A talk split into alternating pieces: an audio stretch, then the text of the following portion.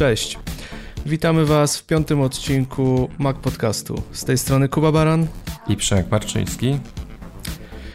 Dziś zaczniemy od małej dozy informacji na początek. Pie, po pierwsze, Siri w OS X. Doszły nas słuchy, że prawdopodobnie w kolejnej odsłonie systemu OS X y, będzie dostępna Siri. Tak naprawdę w naszym kraju w tej chwili to raczej olbrzymiego znaczenia nie ma, ponieważ wciąż nie możemy się doczekać mm, naszego pięknego języka.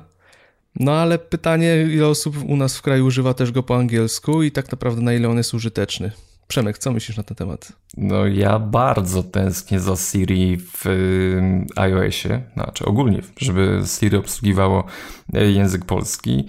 E, szczególnie powiem Ci, jakoś nie czułem tej potrzeby do chwili, gdy zacząłem więcej podróżować i jedno z podstawowych moich narzędzi w tej chwili to jest dyktowanie. Ja wiem, nie zachęcamy tutaj do prowadzenia auta to głupio wyjdzie, bo się przyznaję, że czytam e, wiadomości podczas prowadzenia, ale nie róbcie tak, to jest złe, fuj, niedobre. Mm, no ale szybka odpowiedź na SMS-a stojąc w korku. Kwestia dyktowania sprawdza się tutaj rewelacyjnie. Ja y, powiem Ci, że nawet szybciej, o, o wiele szybciej y, idzie mi pisanie poprzez dyktowanie niż e, klepanie na klawiaturze mm, znaków. Mm, Siri w OS X to chyba naturalna kolej rzeczy, tak mi się wydaje. Wiesz co, w gruncie rzeczy, tak jak mówisz o iOSie, to, to ja, ja nie używałem Siri do, do momentu, kiedy ona nie zaczęła. Hmm, znaczy, nie wiem, nie wiem do końca, jak to działa i, i czy, czy to jest tylko mój, mój dobry traf, ale E, możesz jej zadawać po angielsku e, pytania, na przykład zadzwoń do call, call someone e, i podajesz imię polskie i nazwisko i ona to potrafi zrozumieć. Ona już potrafi rozczytać, przynajmniej mi się nieraz to zdarzyło, że ona dobrze, dobrze interpretuje te osoby, więc wygląda na to, tak jakby ona potrafiła, wiesz, komendę przyjmować w języku angielskim, ale te frazy, które może, mogą być interpretowane jako, wiesz, język dyktowania, potrafi je zinterpretować. Gdyby coś takiego trafiło do SX-a, prawdopodobnie miałoby to jakiś użytek. Bez tego nie wiem. Chociaż z drugiej strony powiem Ci szczerze, że tak jak w iOSie, kiedy się często przemieszczam i potrzebuję mm, tego interaktywnego asystenta, który będzie na, wiesz, y, mm, tak jak w iOSach 6s, tak naprawdę możesz powiedzieć tylko Hey Siri, tak, i on jest cały czas aktywnie, nasłuchuje tego i, i czeka na Twoją komendę, to to jest przydatne. E, zwłaszcza właśnie, tak jak mówisz, w trakcie prowadzenia auta, kiedy w ogóle nie musisz odrywać rąk od kierownicy, możesz go ją wywołać w ten sposób. Ale w OS Xie, no, na tą chwilę nie, nie mam potrzeb. Przynajmniej nie, nie, jakoś nie miałem odczucia, że coś mogłoby mi się wyjątkowo przydać w postaci Siri w OS X. Bardziej to dyktowanie jako takie, ale ono bodajże działa już w tej chwili w OSX-ie. E, powiem Ci, że to może być znowu e, pewien pierwszy krok, który mm, Apple stawia przy unifikacji systemów. Ja wiem, że mm, szefostwo tej firmy mm, zapiera się podczas wywiadów i różnych rozmów, że nie, oni nie będą chcieli łączyć tych dwóch systemów no ale pod maską one tak naprawdę już y, na wielu polach są identyczne. To tworzenie aplikacji w Swiftie to tak naprawdę y, tam są jakieś niuanse, które różnią y, tworzenie programów pod te dwie platformy. Może to jest jakiś pierwszy krok do tego, żeby za chwilę zobaczyć wersję OS Xa na iPadzie Pro, który, mm, no wiadomo, ma potężne w środku bebechy, które potrafią udźwignąć bardzo dużo i mogą konkurować z stacjonarnymi komputerami, czy tam, czy już przenos przenośnymi. Może to jest też y, właśnie coś nowego zaczyna się dziać w tej przestrzeni, ale powiem Ci, że czy ja wiem, czy ja bym nie skorzystał z, z Siri, korzystając z laptopa. A co byś jej powiedział? Czy, jakie byś miał dla niej zadania? No, nie wiem, siedzę sobie z kawką i, i, i przekąszam śniadanie i, i bym na przykład rzucił, żeby strona internetowa czytała mi informacje. Nie wiem, taka myśl, wiesz, nieraz, nieraz walczę z tym, że, że siadając do porannej kawy, y, no jakoś niezręcznie mi tutaj y, gdzieś kubek coś przestawić, że coś się wyleje. A gdybym mógł komunikować się z moim komputerem y, werbalnie, no dlaczego nie? Wiesz co, bardziej bym obstawiał, że jednak przy śniadaniu masz przed sobą iPada albo iPhone'a. Yy, no właśnie, no właśnie dlatego, i to jest prawda, tu mnie masz, dlatego jakbym chciał korzystać z komputera w pracy, czy tam właśnie przy porannym użytkowaniu, yy, czytaniu informacji, no powiem Ci, to Siri mogłoby być ciekawym rozwiązaniem. Aczkolwiek, no, zdecydowanie tu zgadzam się z Tobą, że przy, przy urządzeniach mobilnych, gdzie mm, mamy to urządzenie schowane gdzieś w kieszeni, tutaj mm, trudno wyjąć na spokojnie, zasiąść przed ekranem, to jest super zbawienna rzecz. Tak, y, siedząc y, w zaciszu mieszkania razem z komputerem, to już nie jest takie oczywiste. Aczkolwiek, hmm, ja nie narzekałbym, y, szczególnie, że y, zobacz jak Apple kładzie nacisk y, na tą usługę. To jest to, co się ostatnio dzieje w iOSie, to, to jest tak naprawdę rozwój Siri. To jest przede wszystkim kładziony nacisk na komunikację, na rozpoznawanie różnych komend, na zwiększanie zasięgu. Apple TV, obsługa wyszukiwania przez komendy głosowe, to jest, to jest coś niesamowitego. I jeśli faktycznie dla Apple to jest tak ważne, no to ja chcę, żeby to było po polsku wreszcie. No tak, po polsku, właśnie. To jest też główny problem, że jeżeli będzie dalej po angielsku, to jednak grono osób, które mogą z tego skorzystać, będzie mocno ograniczone. Ale zwróciłeś uwagę na niezwykle istotną rzecz.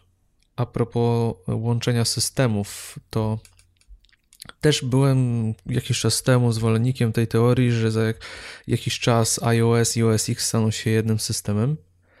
A jednak odrobinę się zdziwiłem, bo jak widzimy, w mojej opinii, troszkę sztucznie te systemy zostały mm, jednak, na czym nie systemy, iOS został troszkę pofragmentowany.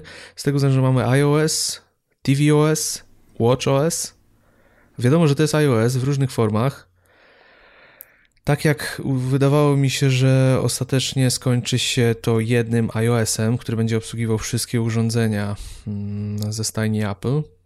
Tak, w tej chwili OS X i iOS oczywiście są bardzo mocno zintegrowane, ale tak naprawdę wszystko to leży e, pod postacią iClouda i, i tej chmury, która obsługuje te wszystkie systemy. Ale tutaj to, co jest dziwne dla mnie, to jest ta jednak ta fragmentaryzacja iOS-a pod względem tvOS-a zwłaszcza różnice w wersjonowaniu. Mm, to jest dla mnie dość ciekawy element i tak naprawdę dość niezrozumiały, zwłaszcza, że jednak Apple zawsze dążyło do unifikacji i uproszczania, a tutaj jednak mamy do czynienia z tym, że, że te podziały troszeczkę rosną. Nie uważasz? Zdecydowanie. Zdecydowanie tak. Mm, tylko, że no, zwróćmy uwagę, tych urządzeń było mniej. Szczególnie chyba namieszał tutaj Apple Watch. No, jakoś trzeba to ogarnąć. Te y, aplikacje, to no, coś tutaj widać nie idzie zgodnie z. Znaczy, nie wiem, czy nie idzie zgodnie z planem, ale na pewno nie. Myślę, że tam Steve Jobs y, ma duży, duży zgryz na to, co się dzieje w tej chwili. Ja jestem ciekaw naprawdę, tak naprawdę, jaki, jaki jest plan y, tutaj szefostwa Apple. Czy, czy y, po prostu nie można tego w jakiś sposób mm, ujednolicić? Czy po prostu nie ma takiej potrzeby? Bo tak jak mówię, jedyne chyba co mm, przeszkadza w takim e, rozdzieleniu systemów, to jedyny kłopot mają e, programiści, bo mm, dla nas, dla użytkowników, mnie nie obchodzi, co ja mam, czy mam Watch OS, czy tam TV OS, czy jakiś inny jeszcze OS, Desktop OS. U mnie to ma działać. A prawdziwy zgryz mają programiści, którzy muszą jednak tworzyć troszeczkę inaczej na każdą z tych platform. No, powiem ci, nie wiem. No, najważniejsze w mojej jakby opinii jest to, żeby Siri w końcu było po polsku. I mogą być, może być w OS Xie w, wszędzie. No, trochę zaczynam się bać, że czytasz w moich myślach, bo moja myśl była pierwsza taka, że tak jak mówisz, to jest takie rozgraniczenie dla deweloperów i troszkę dla użytkowników bo jednak te systemy się od siebie różnią. Znaczy nie tyle systemy, co platformy. I wydaje mi się, że to nazewnictwo ma troszeczkę nam tutaj odseparować od siebie te, te, te systemy, a zwłaszcza mm, to, jak z nich korzystamy, to, co te aplikacje mają nam dawać, bo zupełnie różni się sposób korzystania z aplikacji na tvOS Zupełnie różni się to, co powinni deweloperzy tworzyć dla WatchOS-a i tego, co, czego powinniśmy oczekiwać od WatchOS-a. I być może z tego wynika taka separacja, żebyśmy jednak nie kojarzyli, że to jest to samo. Wiesz, gdybam zupełnie teraz, ale może, może o to chodzi. A ostatnio bodajże Apple udostępniło yy, szkółkę dla tworzących aplikacje yy, pod yy, Apple TV, pod nowe Apple TV. Na pewno znajdziecie w sieci, jak jesteście zainteresowani tematem. Gdzieś na stronach deweloperskich y, kursy wideo, krok po kroku, jak projektować interfejs y, i, i tak dalej. Tam y, coś takiego ostatnio się pojawiło. Hmm. Tak, zostały udostępnione wideo. Mm, bodajże warsztaty były nawet blisko nas, bo to było chyba bodajże o, w Berlinie. Tak, warsztaty dla deweloperów, którzy planują aplikacje dla tvOS z różnymi mm, dobrymi praktykami. I tam z tego, co kiedyś e, czytałem, tam była taka fajny, fajna rzecz, którą polecam wszystkim deweloperom zrobić. Mianowicie, jeżeli wasza aplikacja coś robi, tak, znaczy, to jest to, co Apple y, ogólnie sugeruje. Jeżeli wasza aplikacja coś robi, jeżeli ona coś czyta, jeżeli coś się dzieje w tle, dajcie znak użytkownikowi, że coś się dzieje. Nie dajcie mu czarnego ekranu, a jednak nawet to kręcące się kółeczko. Ponieważ jak dacie mu czarny ekran, to on moment, to, to momentalnie będzie myślał o tym, że to, wiecie, wisi, to nic nie robi. Okej, okay, to może przejdźmy dalej. Bo z Siri w OS X przeszliśmy tutaj zupełnie na odmienne tematy. E, podcasty. Podcasty doczekały się odświeżenia. Zaczyna się coś w tym temacie dziać. Mamy do czynienia z Podcast Connect, z odświeżonym. Co prawda nie ma tam jeszcze zbyt wielu możliwości, ale widać, że temat rusza. Przez długi czas zaniedbywany jednak przez Apple i, i dużo słów krytycznych dało się na ten temat słyszeć. E, no mamy tutaj pierwsze jakieś znaki, że coś idzie w dobrym kierunku. E, był, był taki Co strach w pewnej chwili, Yy, związany z podcastami. Przecież podcasty to jest dziecko Apple i ta popularyzacja tych audycji, którą nawet my tworzymy, to, to duży ukłon w stronę Apple. W chwili, gdy GarageBand nowy się pojawiał, wycięto obsługę podcastów, czyli tworzenie rozdziałów, dodawanie okładek, no i powiem Ci szczerze, że no, ja to się tak troszeczkę mm, wstrząsnąłem, że, że chyba już Apple nie zależy na, na tej platformie e, tworzenia treści, tworzenia, tworzenia audycji. A tu proszę, super niespodzianka dla wszystkich, którzy mm, chcą tworzyć podcasty.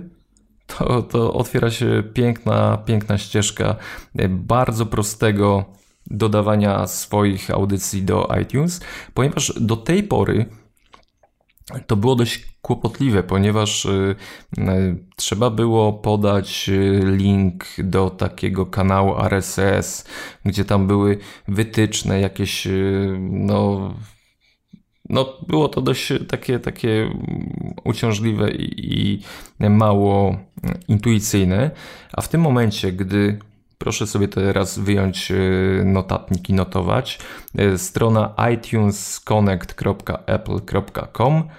Jak sobie wejdziecie, zalogujecie się na swój Apple ID, tam wyskoczą piękne rzeczy związane z książkami, z ze sprzedażą w iTunes i właśnie jest zakładka My Podcasts, y, gdzie możemy obsługiwać, czyli y, chowamy podcast, odświeżamy tych to, co wspomniałeś, tych funkcji nie ma dużo, ale możemy dodawać swoje podcasty też w łatwy sposób. Mm, y, no, coś, coś się dzieje w, w tej materii i to powinno cieszyć nas szczególnie, bo mamy Y, platformę do zarządzania podcastem swoim wreszcie. Wiesz co, ja ci powiem, że no, jak już wszyscy wiecie, no, moja historia z podcastami zaczęła się już ponad miesiąc temu. E, ale oczywiście obserwowałem to, co się dzieje w tej kwestii, jak to wygląda i, i dochodziły do mnie te głosy na temat zaniedbań w stosunku do podcastów, że to nie wygląda tak, jak powinno wyglądać a obserwuje się jednak tendencję wzrostową. Podcasty stają się coraz popularniejsze. Może jeszcze u nas w kraju to nie jest taki poziom jak Stany Zjednoczone czy zachodnia Europa, ale wystarczy powiedzieć, że nawet Michał Szafrański ostatnio w, w swoim wpisie mówił o tym, że przewiduje jednak boom na podcasty, że podcasty dopiero w naszym kraju też zyskają na, na, popularności i one tak naprawdę mają tendencję zwyżkową. A patrząc na jego poczynania i to, jak, jak czyta on rynek, ogólnie blogerski i technologiczny, mimo że pisze o finansach, no to myślę, że można mu wierzyć. Dlatego. Bierzcie się. To, że pojawia się podcast, ten, ta usługa Apple'a, E, która ma wspomóc jednak to publikowanie, zarządzanie podcastami, no widać, że po jakimś tam okresie stagnacji oni się obudzili, że no halo, mm, myśmy sobie tak odpuścili, a to cały czas rośnie i wiesz, nie głaskamy tego, a to cały czas się całkiem nieźle zachowuje. Więc no chyba nadszedł czas, żeby jednak się obudzić i troszeczkę pomóc tym podcasterom, zwłaszcza, że robią kawał dobrej roboty, bo podcastów przybywa, jakość jest coraz lepsza. Ja osobiście też słucham coraz więcej podcastów i tak naprawdę zaczyna mi czasami brakować czasu, żeby nadrobić wszystko to, co chciałbym posłuchać. No ja, ja ostatnio y, Więc... też y, zauważyłem dokładnie to samo. Y, podróżnicy, podróżnicy, tak dobrze mówię. Nowy podcast się pojawił kilka dni temu. Fajny. Ja lubiłem ich czytać i teraz zaczynają mówić. To jest super. Wie, to jest, to jest tak jak z telewizją powoli. Ja też ostatnio, jak co prawda jadę gdzieś samochodem troszkę dalej, y, jadę sam, gdzie mogę decydować totalnie o tym, czego będę słuchał, to z reguły nie włączam radia, włączam podcast, bo wiem, czego chcę słuchać, wiem mniej więcej o czym będę słuchał i, i, i tutaj znowu ja sam staję się kuratorem treści dla siebie. Więc y, patrząc przyszłościowo, no wydaje mi się, że no, Idziemy Przemek dobrą drogą. To... Dajemy to, co rzeczywiście może, może wpadać słuchaczom w ucho i tak naprawdę mogą woleć nas niż jakąś audycję radiową.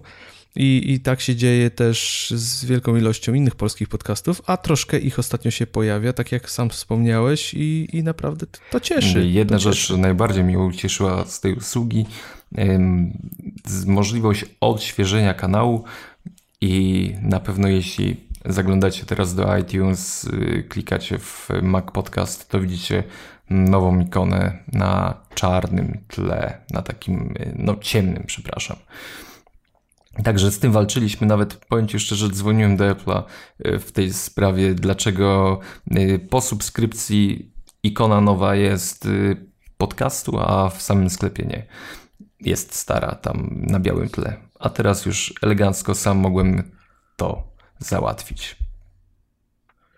Kurczę, zmieniło się to w w tym tygodniu na początku myślałem, że dałeś nam szef. nic z tych po prostu, a tu, a tu jednak nie, to, to jednak technologicznie. Poszło. Ale fajnie, bo, bo tutaj możesz okay. ustalić właśnie ten y, adres y, FIDA, możesz odświeżyć podcast, możesz y, ukryć podcast i możesz go skasować, bo tak naprawdę do, do tej pory, jak my nawet wystartowaliśmy z podcastem, to na początku na pewno część z Was zauważyła, że były dwa Mac podcasty.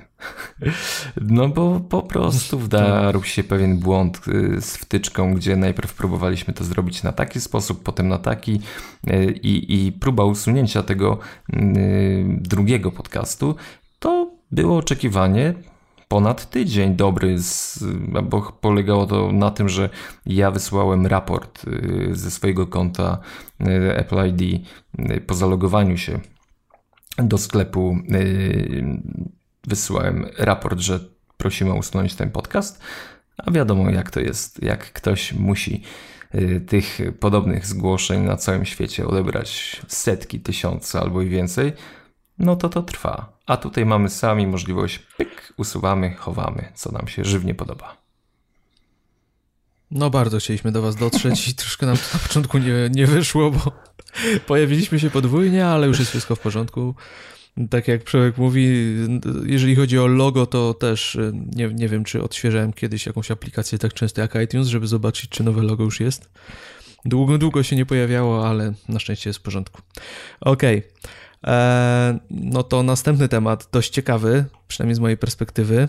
Spotify przenosi swoje dane i, i ogólnie sw swoją usługę na infrastrukturę Google'a. Teraz pytanie, które samo się ciśnie. Czy Google przechwy, przechwy, nie przechwyca, tylko przejmuje Spotify, czy jest to po prostu technologiczne przejście? W gruncie rzeczy muszę powiedzieć, że w, pierwszy, w pierwszym momencie pomyślałem sobie, ok, prawdopodobnie ich przejmują. Jest to taka delikatna informacja, ponieważ co tak naprawdę spowodowało, że pojawiła się informacja o przeniesieniu infrastruktury technologicznej? Jak to się ma do zwykłego użytkownika, do zwykłego Kowalskiego czy Marczyńskiego, który słucha muzyki ze Spotify, a nie z Apple Music i ciągle nie potrafię tego zrozumieć, e, że mm, taka zmiana nastąpiła. W gruncie rzeczy nas to nie interesuje, tak? Jeżeli używamy Spotify'a, to ma działać, a działało bardzo dobrze, bo przez długi czas znacznie lepiej niż na przykład iTunes Mm, iTunes Match, którego, którego używałem, mm, zwłaszcza w kontekście szybkości, z jaką startowała muzyka, bo to był taki, mm, powiedzmy, przedsmak e, Apple Music, gdzie swoją kolekcję można było przechowywać w chmurze, odtwarzać ją dowolnie. No i teraz pytanie, dlaczego tak się stało? Ja już mam swoją teorię, a ciekaw jestem, co Przemek na ten temat sądzi. Jak myślisz, Przemek, czy to Mm, jest pierwszy krok do przejęcia, czy to po prostu jest krok technologiczny? A jeżeli to krok technologiczny, to po co o tym tak głośno mówić, skoro użytkownicy i tak nie powinni tego y, odczuć? Powiem ci tak. Dwie jakby y, rzeczy dzieją się w mojej głowie, gdy to słyszę. Y, jak sobie przeanalizowałem to, jak Spotify się rozwijał, rozwija, to pierwsza myśl była taka, to jest bez sensu. Bez sensu pomysł na przejęcie ich, przecież Google ma swoją usługę, y, Google Music. Y, przychody w 2014 wzrosło 45%. Y, w, Także no, nie wiem, czy, czy tutaj oni gdzieś próbują zdobywać kolejne środki. Druga sprawa jest 15 milionów subskrybentów, którzy płacą. Przy Apple Music, który ma 11 milionów, no to jest całkiem niezły wynik. Ale mówisz teraz 15 milionów Spotify. Spotify czy Google? Spotify. Ja, ja czytałem, przepraszam, nie wiem, czy się nie mylę, ale 20 milionów. Czytałem, że A widzisz, no to... No, 20 milionów płatnych, 55 no, milionów a ja, ogólnie. No to zobacz, że to rośnie, bo ja podaję dane z 2014 roku. A to ja dziś, dzisiaj sobie zerkałem na to i wy, wyglądało to tak, że 20 i 55. Ogólnie 55, bo no masa ludzi jednak używa tego darmowego. Planu, tak, z reklamami. Ale druga e, strona medalu, która gdzieś tam się pojawia, to przy tym nagłym wzroście Zobacz, że, że to jest 5 y, y, milionów użytkowników więcej. W 2014 tych y, użytkowników, którzy korzystali z darmowego, z darmowej usługi, to było 45 milionów. To jest skok znowu o 10 milionów. Ponoszą olbrzymie straty. W 2010 roku, gdy startowali, to strata wyniosła 20, prawie 22 miliony euro. W 2012, dwa lata później, to było już 80 milionów. W 2013 93, a w 2014 to jest, to mnie zaskoczyło, bo naprawdę nie wiem dlaczego i z czego to się wzięło. 165 milionów euro to jest olbrzymi skok, prawie no nie dwukrotny, ale, ale tuż, tuż, tak. Może to jest ten czynnik, który gdzieś w połączeniu z Googlem miałby się unormować, czyli ciągle straty rosną, mimo tego, że liczba użytkowników, to co nawet powiedziałeś, no, tych, którzy płacą, rośnie również. To jest, powiem Ci, odpowiedź nie jest chyba taka prosta na to pytanie. Ogólnie mm, warto też wspomnieć o tym, że jednak Spotify istnieje od 2006 roku bodajże i no wiadomo, rozszerzał się na, na kraje z jakąś tam powolną ekspansją. Nie jednocześnie tak jak Apple Music, ale jednak jeżeli dzisiaj w 2015 to jest 20 milionów użytkowników, a Google Music od czerwca zeszłego roku zebrał 11 milionów subskrybentów, no to rzeczywiście ta usługa Apple'a, o której mówi się często, że to ciągle beta, ciągle dość nieudany produkt, jednak zebrała spore żniwo i kto wie, mm, wiesz, Google Music, tak? Ta usługa tak. się nazywa? Nie wiem, nie pamiętam. Google Music e, plus Spotify to może być jakaś konkurencja w tej chwili, jednak, żeby zatrzymać Apple'a w tej drodze na szczyt. Nie sądzę, co prawda, że on przegoni Spotify'a. Nie wiem też, jakie mają e, statystyki, bo nie sprawdziłem nawet tego Wimp czy Deezer lub inne te usługi, ale jakieś pobudki do przejęcia mogą być. Ale tak naprawdę wydaje mi się, że tu nie do końca może chodzić o przejęcie tu może chodzić głównie o rozreklamowanie mm, technologii usług w chmurze, które oferuje również Google, ponieważ tego typu usługi znacząco rosną. E, jeżeli patrzeć na lidera, którym w tej chwili jest e, Amazon, jeżeli chodzi o usługi i rozwiązania w chmurze, to byłem w szoku, ponieważ w zeszłym roku bodajże przychód Amazona ze świadczenia usług w chmurze wyniósł 2,4 miliarda dolarów. A to jest wzrost w stosunku do roku poprzedniego o 69%. No to szok. To jest olbrzymi wzrost. Więc Google wiadomo, Google świadczy usługi i to może być dla nich naprawdę konkretny kawałek chleba. Jeżeli teraz jedna z najbardziej popularnych usług muzycznych, która całkowicie opiera się na działaniu w chmurze, która streamuje muzykę do milionów użytkowników, mówi: Przechodzimy do Google'a. My się z tym, my sobie z tym poradziliśmy, ale tak jak oni na swojej stronie piszą, że nasi inżynierowie ze swoją wrodzonym lenistwem po prostu stwierdzili, że po co się męczyć? Więc przechodzimy do Google'a i, i dają jasny sygnał, że Google jest w stanie udźwignąć taką infrastrukturę, przyjąć takiego klienta w danym momencie bez żadnych strat i to będzie działało tak samo dobrze lub lepiej. No jest to spora reklama. Jest to spora reklama, chyba żaden usługodawca tego typu usług się w ten sposób nie reklamował, więc być może o to chodzi. Prawdopodobnie się dogadali, prawdopodobnie też te ceny będą niższe ze względu na tą promocję, jaką e, tutaj mm, Spotify dla usług w chmurze Google'a robi, ale jednocześnie też może, może Google chce wiedzieć, czego słuchamy. I, i... Przynajmniej te 20 milionów osób. I to też jest łakomy kąsek dla firmy. I te straty może będą mieli mniejsze. E, Możliwe. My magazyn Y, dystrybuujemy też przez kanał Amazona. I nie spotkałem się ze złą opinią na temat usług w chmurze tej firmy. Amazon to zawsze nam się kojarzy ze sklepem, tak? To, że. Dokładnie.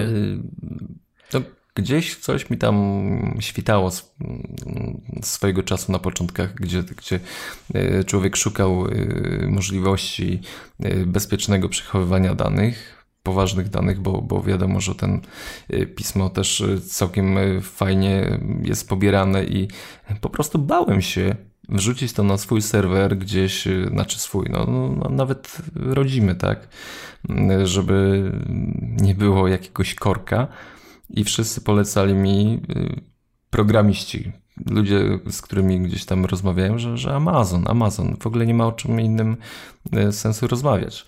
No i jak na razie chyba to jest e, dobry strzał.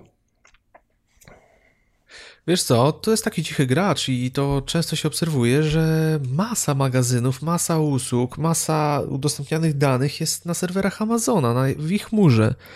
Nawet e, ostatnio dość głośno było, zresztą była to aplikacja miesiąca też u nas, e, Day One.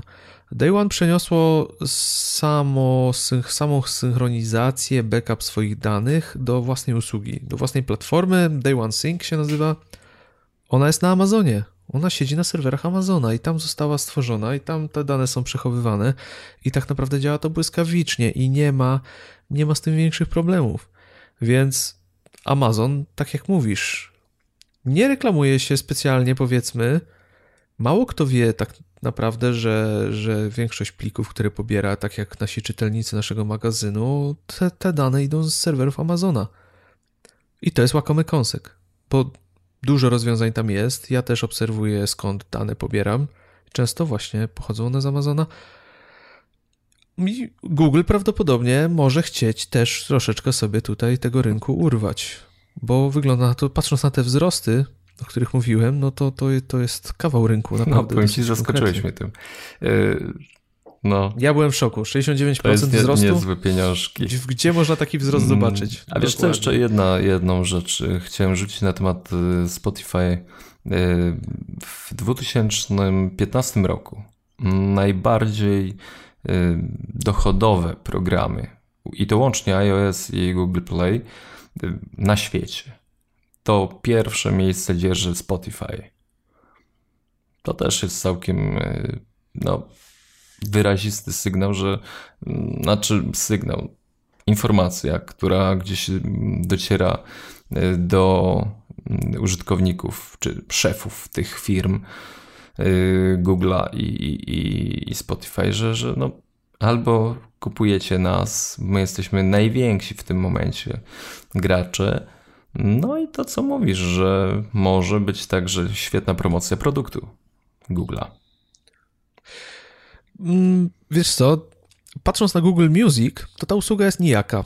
Z tego względu, że tak, jest muzyka, są płyty, można słuchać i jest fajnie, ale tak, Apple Music połknęło Beatsa który słynął z rekomendacji. E, Tidal, który wcześniej był Wimpem, z tego co pamiętam, no tam zebrali się artyści, oni promują swoją muzykę, y, mają pewne wyłączności, no i tym się Wimp stara e, tutaj wyróżniać, no i Kanye West, tak, którego fenomenu nie rozumiem, ale wiem, że jest ceniony, też na pewno jest jakąś gwiazdą. A mm, Google Music nie ma wyznacznika, więc być może chcą jednak połknąć tego Spotify'a. Może Spotify będzie ich flagową usługą. No, daje się słyszeć, ty sam używasz tak, Spotify, tak. dobrze pamiętam? Ja jestem człowiekiem Spotify. Tak. No i przyznaję się tutaj bez bicia, że bez sentymentu zostawiłem Apple Music. I te rekomendacje Spotify'a, bodajże Discovery Weekly chyba, tak? To jest, y, wszyscy zawsze o tym y, głośno mówią, bo no świetny jest ten algorytm, który daje ci tą playlistę z utworami, które mogą ci się Powiem spodobać. ci, ja jestem tak ograniczonym człowiekiem, jeśli chodzi o muzykę, że mam swoich wykonawców y, i, i nieczęsto sięgam gdzieś tam poza obszary, z których Dostaję, do, dostajesz co poniedziałek komunikat od Spotify. Przykro mi, ale naprawdę nie mam nic innego. Tak, Jedziemy tak. No, klasyką, ja tak? jestem y, trudno reformowalnym gościem, który, który słucha jednak troszkę starszej muzy. E, ale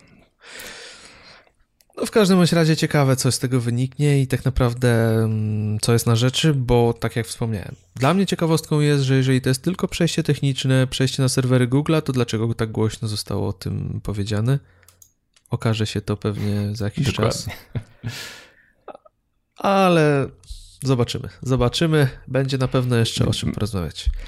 Słuchajcie, przygotowaliśmy dla Was jeszcze no, ogólnie temat yy, tego odcinka. Chcieliśmy trochę pogadać o pracy na systemie iOS, o jego optymalizacji, o tym, z czego można korzystać, yy, aby sobie ułatwić niektóre czynności.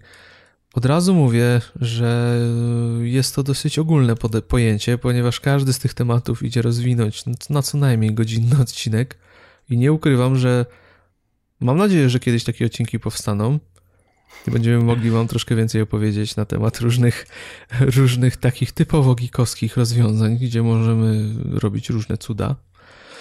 Ale mm, po pierwsze, zacznijmy od początku. Jakie mm, udogodnienia system iOS e, w sobie posiada, z których e, korzystamy. Przemek, masz jakieś udogodnienie, które znaczy, szczególnie? Mamy mówić o produktywności, tak? Znaczy ogólnie optymaliz wiesz, to co ci pomaga, że no jest ci łatwiej, tak? No nie, no mając telefon z Androidem nie byłoby tak fajnie, nie, no żartuję. Nawet nie znam tak na tyle Androida, Ale żeby powiedzieć, czy powiedzieć, bo są. tutaj są sami iOS-owcy. Tak, tu są sami e, iOS-owcy. Po pierwsze, to jest y, najważniejsze i, i, kluczowe rozwiązanie to jest iCloud. Dla mnie przynajmniej. Y, bez synchronizacji pełnej y, z kontaktów. Nie mówię o notatkach, bo notatek nie, wiem, że masa ludzi korzysta, ale i zdjęcia. Zdjęcia, które robię, które nagle lądują mi w aplikacji na OS Xie. To jest, to jest coś niesamowitego, gdy y, tworząc y, jakąś szybką notatkę czy, czy zapiski, y, nie biorę kartki ze sobą, robię zdjęcie, przychodzę, siadam do komputera, mam to już mm, u siebie i, i mogę, że tak powiem, obrabiać pewne rzeczy. To jest dla mnie coś niesamowitego, jeśli chodzi o wygodę korzystania. Dlatego jeśli kiedykolwiek y, uruchamiacie iPhone'a po raz pierwszy i nie wiem, nie macie konta w iCloudzie, to koniecznie. To jest w ogóle y, coś, y, elementarz, tak? Bez rejestracji się, rejestrowania się w tej usłudze, to, to tracicie przynajmniej 80% przyjemności skorzystania z, z platformy OS X i iOS, które przenikają się właśnie przez, przez y, Apple'ową chmurę. Mm, to jest dla mnie taki, to jest kluczowe. To jest dla mnie kluczowa sprawa. Ale powiem wam jeszcze, że tutaj nawet jeżeli macie znajomych, y, bo wierzę, że większość naszych słuchaczy ogólnie ma iClouda aktywnego, ale ja też widzę osoby, które nie do końca są związane z technologią, nie do końca wiedzą, jak wykorzystywać technologię i często ten iCloud wydaje mi się niepotrzebny, bo na przykład jedynym urządzeniem, jakie mają, to jest iPhone. Ale iCloud ma jeszcze jedną olbrzymią i bardzo ważną cechę. Nawet jeżeli nie korzystacie z tej synchronizacji, która jest doskonała i obejmuje praktycznie wszystkie aplikacje systemowe, to rzecz podstawowa kopia bezpieczeństwa, która się w iCloudzie generuje. Jeżeli coś się wydarzy z telefonem, no to tak jak wiecie, mm, odtworzenie telefonu po jakiejś sytuacji awaryjnej to jest tak naprawdę czysta przyjemność. W trakcie konfiguracji wybieracie kopię i macie to odtworzone. I warto zwracać na to uwagę i warto zwracać też uwagę osobom, które znacie, które może, wiesz, wiecie, nie, nie mają potrzeby korzystać z iClouda, bo wychodzą z założenia, że ok, mam jedno urządzenie, więc po co mi ta synchronizacja? Ale dostajemy za darmo jakąś paczkę danych na serwerach Google'a. Warto, teraz strzeliłem z tymi serwerami Google'a, na serwerach Apple, e, więc e, no warto chociaż wykorzystywać to mm, dla kopii zapasowych i warto je tworzyć. One się tworzą automatycznie, jeżeli jest się podłączonym do Wi-Fi i, i ma się e, włączony telefon do zasilania, więc praktycznie co wieczór taka kopia No powstaje. i Find My iPhone, Find My iPhone. Mi, Przemek, tak, i Find My iPhone, tak, w przypadku kradzieży, no oczywiście to, to pozwala na to, żeby jednak odnaleźć ten telefon, jeżeli coś się dzieje. Przemek, a powiedz mi, czy korzystasz z systemowego zastępowania yy, tekstu? Nie. Nie korzystasz. Nie korzystasz. To jest fajna rzecz. Ja ci powiem, że mm, co prawda na komputerze na OS Xie korzystam z Text Expandera ze względu na to, że jestem w stanie tworzyć zdecydowanie bardziej rozwinięte mm, Ale powiedz w ogóle, tekstu. co to jest zastępowanie tekstu? Zastępowanie tekstu to jest uzupełnianie mm, pewnych fraz pełnymi wyrażeniami. Na przykład często piszecie zaraz będę, wykrzyknik na przykład. Więc możecie sobie ustawić zastępowanie tekstu, że napiszecie ZB i automatycznie dostaniecie podpowiedź zaraz będę. Naciskacie spację i od razu macie ten tekst napisany. W ten sposób możecie uzyskiwać dowolne frazy, które ustawia się w ustawieniach systemu. Żeby tam wejść z poziomu iOS-a, trzeba wejść w ustawienia ogólne, klawiatura i tam jest opcja zastępowania tekstu. Warto z tego korzystać. Tak jak wspomniałem, są też narzędzia zewnętrzne, takie jak Text Expander, tak jak ja korzystam w OS X z niego, tak w iOSie jednak nie do końca, mimo że ta aplikacja istnieje, a wynika to z faktu, że w iOSie nie jest to globalne. Jeżeli korzystacie z systemowego zastępowania tekstu, to w każdej aplikacji, wszędzie gdzie możecie pisać, takie zastępowanie będzie następowało. Jeżeli używacie narzędzia zewnętrznego, to będzie ono tylko w tych aplikacjach, które to zastępowanie będą wspierały z tej aplikacji.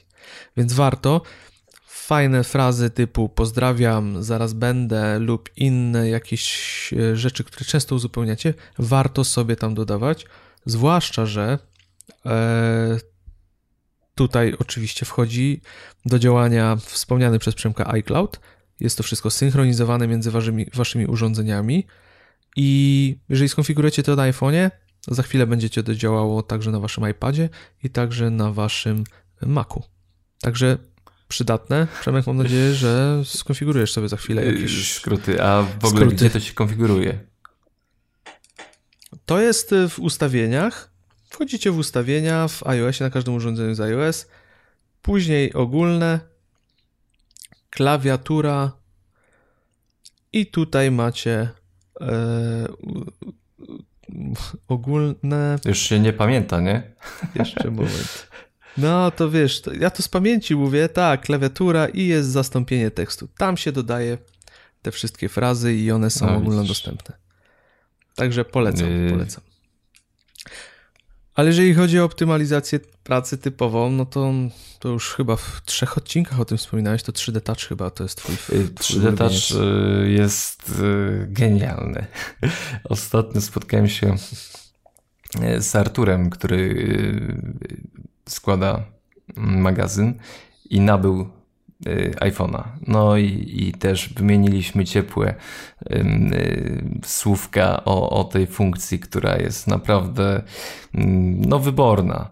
Y, szczególnie podczas dzwonienia, tutaj wybieranie tych osób, z, z, którymi ostatnio się komunikowałeś, ale, ale i inne aplikacje, na przykład ja jako stary fan Evernote'a Przyduszenie dłużej na tej ikonie mm, kciukiem to jest nowa notatka, zrobienie zdjęcia. Mm, co ciekawe, co ciekawe, ja nawet y, przyznaję się, zostałem y, też uświadomiony ostatnio, można, jeśli was drażni ta, że tak trzeba długo przy, przygniatać ten, ten, ten y, kciuk do, do, do szyby, można zmienić czułość tego, tego zachowania się palca. No i teraz tak, przyjdzie mi się też wykazać szukaniem yy, tej funkcji. To jest w ustawieniach ogólnych, ustawienia ogólne, dostępność i tutaj macie 3D Touch, gdy wejdziecie w 3D Touch w ogóle możecie wyłączyć tą funkcję, ale siłę nacisku może być mała, średnia, duża. W zależności od tego, jak Wam pasuje, czy, czy, czy chcecie dłużej przygniatać ekran, żeby wywołać te dodatkowe funkcje, y, albo bardzo szybko poprzez praktycznie tylko dotknięcie, muśnięcie ekranu. Mm, to może być przydatne, bo pamiętam, że pierwsze kontakty z tą funkcją to jakoś tak było ciężko wywołać to menu podręczne. Jeszcze w tym miejscu możecie pomaltretować ten obrazek, który jest pod spodem i tam możecie poćwiczyć sobie, czy odpowiada wam tak. właśnie ta siła nacisku. Ale tak, tak jak Przemek mówisz, to czasami bywa problem, to wyczucie takie pierwsze, jak mocno naciskać bo, ekran. Bo to trzeba tego, Ale... tego kciuka tak e, rozpłaszczyć. To jest, niektórzy myślą, że trzeba po prostu zagnieść tą szybkę. E, nawet pamiętam kiedyś, jak dzwoniłem do, a nie będę mówił do, do, do jakiej mm, telefonii komórkowej i pan mi tłumaczył, że nie, nie, te nowe iPhony to, to będą słabe, bo wie pan, no jak się naciska szybkę, czy wyobraża sobie pan gnieść szybkę ekranu telefonu, przecież tam y, psuje się te, te, te y, no pod spodem będzie pływać y, tekst, tak wszystko, no wiecie, jak dawniej te stare telefony się tam gniotło i, i coś się tam działo pod, pod szybką. Kurczę, słucham gościa i naprawdę ręce opadają, no ale jednak nie odtrącił mnie od, od kupienia telefonu z 3D Touchem. Nie no, 3D Touch to jest rewelacyjna, rewelacyjna funkcja i technologia tak naprawdę i jeżeli chodzi o samą optymalizację pracy swojej, korzystania z telefonu, to jeżeli posiadacie iPhone'a 6s, 6s Plus, to tak to skorzystajcie z tej funkcji i sprawdzajcie każdą możliwą aplikację, jakie oferuje pod 3D Touchem e, skróty, bo w codziennym używaniu naprawdę można zaoszczędzić masę czasu e, naciskając ekran. Czy w wiadomościach, czy, czy już niedługo w ustawieniach w najnowszym iOSie idzie ekspresowo przejść do różnych, do różnych ustawień.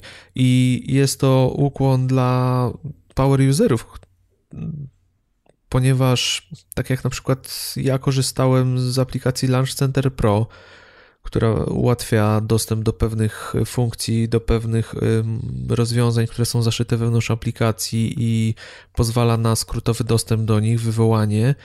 Tak, teraz część z tych rzeczy, które miałem pokonfigurowane, zostało przeniesione po prostu przez deweloperów do ich aplikacji i, i są dostępne przez 3D Touch. I to jest świetne, naprawdę świetne ułatwienie, więc polecamy. Warto o tym pamiętać i korzystać i sprawdzać, gdzie tylko się da tak naprawdę. Ponieważ, no niestety ta funkcja ma to do siebie, że czasami można ją przeoczyć, ponieważ nie jest, nic, nie, nie jest to jasno oznaczone, gdzie można z niej korzystać. Ok, następna rzecz, e, o której chcieliśmy powiedzieć, to lista czytelni w iOS. No, przyznaję się, że, że ja jednak jestem tutaj e, zwolennikiem pakiet. No tutaj widzisz, różnimy się, ponieważ ja Instapaper, obóz Instapaper, tak? Ale to dobrze, to dobrze, no musi być równowaga we wszechświecie.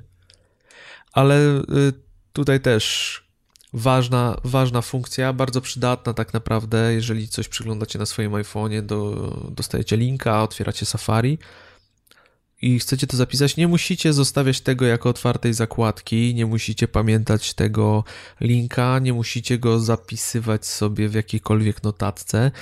Jeżeli skorzystacie z ekranu udostępniania, czyli share sheet, który jest na dole, to jest ten kwadrat ze strzałką, no warto o tym pamiętać, że tutaj jest taka opcja do listy czytelnia i no Przemek, no powiedziałeś rzeczywiście na początku o najważniejszej funkcji, czyli o iCloudzie.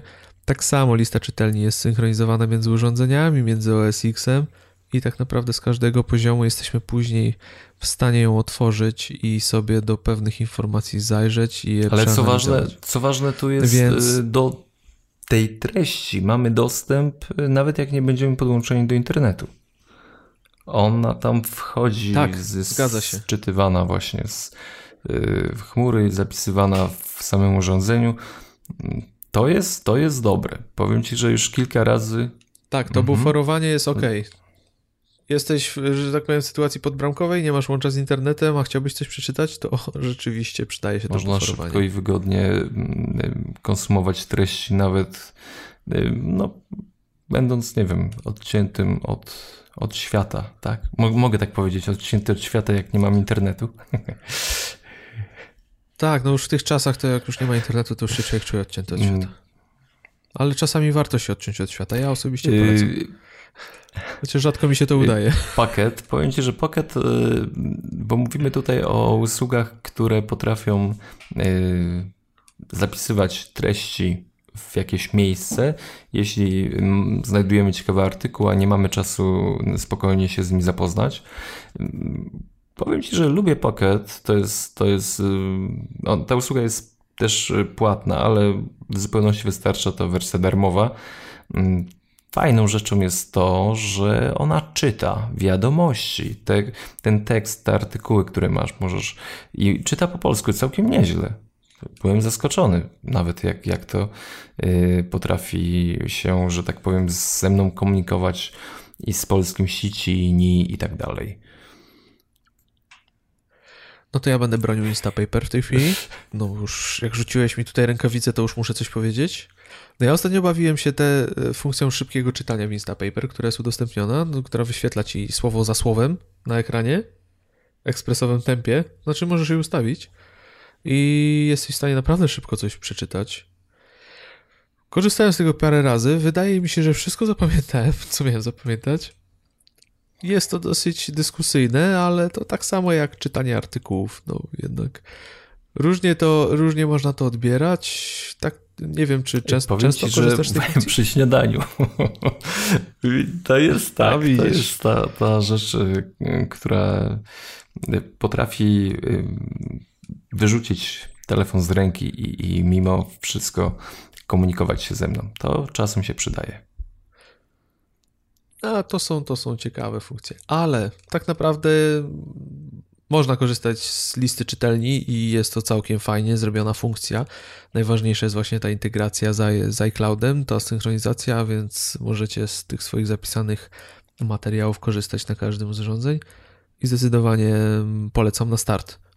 Jak będą Wasze potrzeby rosły, to z czasem Pocket, Instapaper, to już trzeba sobie przetestować obie aplikacje, które są w gruncie rzeczy bardzo podobne do siebie. I teraz mm, pytanie następne do Ciebie, mm, Przemek. Jeżeli chodzi o takie aplikacje jak notatki, mail, e, używasz alternatyw, czy jednak pozostajesz przy tych Nie, powiem ci, no, jedyna alternatywa to już do znudzenia będę tutaj Wam o tym e, wspominał. Yy, dopóki nie upadnie, dopóki nie to jest, to jest Evernote, tak, to, mm, no, tak naprawdę to mi w zupełności wystarczy. Ja jestem yy, mocno skrzywiony na punkcie mm, tej usługi, tej aplikacji. Także, mm, no, czy coś więcej poza, jeśli mówimy o takich rozwiązaniach systemowych, bo, bo wiadomo, że, że y, takich y, poważnych aplikacji, y, no to korzystam z firm trzecich, na przykład y, Carcassonne, świetna gra, czy tam Splendor. To, to są też takie kluczowe dla mnie programy, bez których trudno mi sobie wyobrazić y, funkcjonowanie w iOSie, wiesz, to nie zagrać w Carcassonne to, to troszeczkę tak nie bardzo, mm, ale z takich funkcji, które miałyby mi zastępować na przykład mail, tak, no, masa ludzi korzysta z e, innych rzeczy, z innych aplikacji, innych programów. Powiem wam, że, że dla mnie mail jest świetny. Ja rozumiem, że on e, potrafi się gubić, ale nie wiem, czy bawiłeś się skrzynkami. Gdy wejdziecie tak klikając sobie w lewy górny róg, tam jest skrzynki, a macie powiedzmy kilka tych skrzynek, nawet tam jedną skrzynkę wejdziecie sobie do tego takiego głównego menu, gdzie na samej górze będziesz, będziecie mieli napisane skrzynki i będzie wiadomości wszystkie, warto pacnąć palcem w prawy górny róg edycji i tam pokażą Wam się różne ikonki. I na przykład będziecie mogli sobie podejrzeć yy, wszystkie wiadomości usunięte. Będziecie mogli sobie yy, zobaczyć wiadomości z dzisiaj, sygnalizowane, wiadomości z załącznikami. Yy, Naprawdę, to jest y, bardzo fajne narzędzie, bardzo fajne rozwinięcie y, możliwości programu mail. Nie wiem, dla mnie, ja, ja bym nie zastąpił chyba żadnym innym programem, chyba że, że masz jakiś ciekawszy program do poczty, to mo, może się skuszę na testowanie. Trochę wstyd się przyznać, ale nigdy nie kliknąłem w tą edycję i trochę jestem teraz zaskoczony. O, widzisz. Już wiem, co będę dzisiaj robił do późnych godzin nocnych przeglądał te opcje. Ale tak jak mam podobnie tak jak ty. Znaczy ja mam troszkę inaczej też ze względu na to, że staram się nie, nie korzystać za dużo z poczty, jedynie kiedy muszę na iOSie, ponieważ staram się ją dosyć mocno ograniczać jednak. Ale też y, korzystałem z alternatyw, ale jakoś nie, żadna nie zdobyła mojego serca na tyle długo, żeby przestać korzystać z tej y, domyślnej aplikacji. Ale tutaj głównie chodziło mi właśnie o to, że macie tutaj dowód, że nawet Przemek Marczyński korzysta z natywnych aplikacji, jest całkiem zadowolony, więc ja zawsze powtarzam, że zanim zaczniecie szukać alternatyw, jeżeli dopiero zaczynacie lub, y, lub korzystacie, uczycie się, jak wykorzystać potencjał waszego telefonu, iOS-a ogólnie, to warto dać szansę tym natywnym aplikacjom. One są naprawdę w porządku, zwłaszcza w kontekście, znowu się powtórzę, tego iClouda i tej y, synchronizacji pomiędzy wszystkim. I jeszcze jedna ważna rzecz, o której chciałbym wspomnieć, chociaż o wielu chciałbym wspomnieć, ale czasu nam zabraknie, to pęk haseł, z którego też y, bardzo przyjemnie się korzysta. Tak naprawdę, no, nawet my wspominaliśmy o One Password niejednokrotnie. E, to jest rewelacyjna aplikacja, niestety dość droga i wydaje mi się, że w pierwszym kontakcie warto też korzystać z pęku, e, pęku kluczy. Przemek, masz doświadczenie z pękiem kluczy, czy ogólnie tylko polegasz nie, na One Password? Tu y, pęk y, kluczy też jest w użyciu u mnie. I bardzo fajnie to działa, tak? To nawet jest y, czasem szybsze niż y, skorzystanie z One Password, który muszę gdzieś tam uruchomić osobno, a będąc w Safari automatycznie mam podpowiedzi y, do szablonów na stronach, gdzie muszę się zalogować. Także wszystko jest fajnie, pięknie z tym pękiem kluczy. Tylko, że mimo wszystko One Password y, to jest już też, wiecie, skrzywienia gdzieś tam. Y, za dużo człowiek y, obcuje z tym programem. Bo ja w One Password mam jeszcze różne, przeróżne rzeczy. Dlatego jeśli na przykład bym tylko korzystał z haseł logowania do witryn, w zupełności rozwiązanie Apple wystarczy ale tutaj y, no, potrzeby troszkę są większe, przynajmniej w moim odczuciu. Ale to, co mówisz, y, rozwiązanie systemowe powinno, powinno tutaj y, większe, poważne grono użytkowników w zupełności zaspokoić. W gruncie rzeczy One Password to, co oferuje i to, co jest najważniejsze, to jest to, że można naprawdę fajnie zarządzać tą bazą haseł i jest dużo lepszy wgląd w to wszystko. Ale jeżeli chodzi o pęk haseł, to świetną, świetną opcją jest yy, przechowywanie haseł do sieci Wi-Fi. Gdzieś wchodzisz, wpisujesz na Macu yy, hasło do Wi-Fi i za chwilę twój iPad, twój iPhone też mają to hasło, potrafią się z tą siecią połączyć. I to jest świetna rzecz. I tak jak mówisz, y, często pęk haseł też y, łatwiej, szybciej działa w przeglądarkach, kiedy otwiera się strony, różne formularze i też korzystanie z, jednocześnie z pęku haseł i z One Password niczym nie przeszkadza. O cóż, e, myślę, że na dzisiaj wystarczy tych e, kwestii e, rozwiązań w iOSie, z których można by korzystać na co dzień i które pomagają w szybszym użytkowaniu systemu i, i pewnej optymalizacji pracy. Nazwijmy to część pierwsza. Część pierwsza, tak, ale zobaczymy, czy będziemy robić część drugą, czy będziemy rozwijać poszczególne tak. tematy. No jest o czym mówić, zresztą jak, jak słyszeliście, no, nie mogliśmy się specjalnie tu jeszcze rozwinąć tak, jakbyśmy chcieli, ale tradycji stać się musi zadość, więc jeżeli jesteśmy przy optymalizacji pracy, pracy no to aplikacja tygodnia. Więc pozwolę sobie tu przedstawić aplikację tygodnia, na, o której też mógłbym tak naprawdę mówić godzinę co najmniej. I może kiedyś to nastąpi. No, tym razem y, proponuję Wam zapoznać się z aplikacją Workflow, która no, nie było jeszcze łatwiejszej możliwości optymalizowania zadań, przygotowywania różnych, różnych y, makr w kontekście wykonywania czynności. Jest to aplikacja dostępna na system iOS, która pozwala ze pojedynczych klocków budować różne zestawy akcji dla przykładu, jedną z ciekawszych, na przykład, z której ja korzystam, to jest wysyłanie informacji o tym, za ile dojadę na przykład do domu. Tego typu rzeczy można robić. Wystarczy, że klikniecie taką funkcję i ona sprawdzi, gdzie jesteście, za ile będziecie w lokalizacji, którą określicie na przykład jako dom, wygeneruje SMS-a i wyśle go do kontaktu, do którego chcecie. Tak samo możecie sobie stworzyć na przykład yy, makro, które będzie ze skróco, z linków, które zostały skrócone, będzie je rozwijało do pełnych linków. To są tylko przykładowe rzeczy. warto się tą aplikacją zainteresować, jeżeli macie zapędy do optymalizacji swoich codziennych zadań, to zdecydowanie polecam. Myślę, że nieraz jeszcze o tej aplikacji będziemy wspominać, a może nawet poświęcimy jej pół odcinka, jeżeli koledzy współprowadzący kiedyś pozwolą mi pozwolą. się rozwinąć. Ale to będzie na pewno długi i męczący monolog. no i porada tygodnia. No, Przemek, powiedzieliśmy o, o, o tym zastępowania, zastępowaniu tekstu, yy, czyli krótka fraza, może być zastąpiona na długie słowo.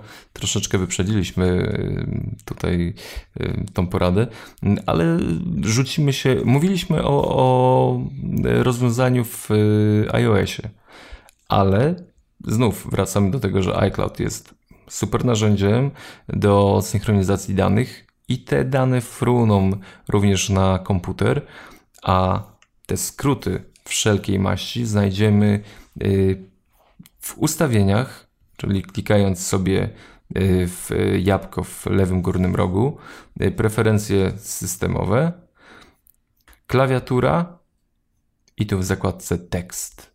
I będziemy mieli do zastąpienia i po zmianie, czyli tutaj po lewej stronie tej tabelki wpisujemy sobie krótki skrót, który chcemy używać podczas codziennej pracy, a po prawej stronie wynikowe hasło które zastąpi nam podany wcześniej skrót.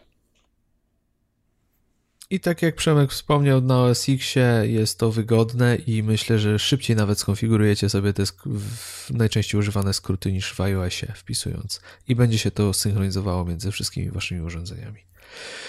No nic, czas kończyć. Eee, Mamy nadzieję, że do tematu jeszcze wrócimy. Tymczasem zapraszamy Was do czytania naszego magazynu.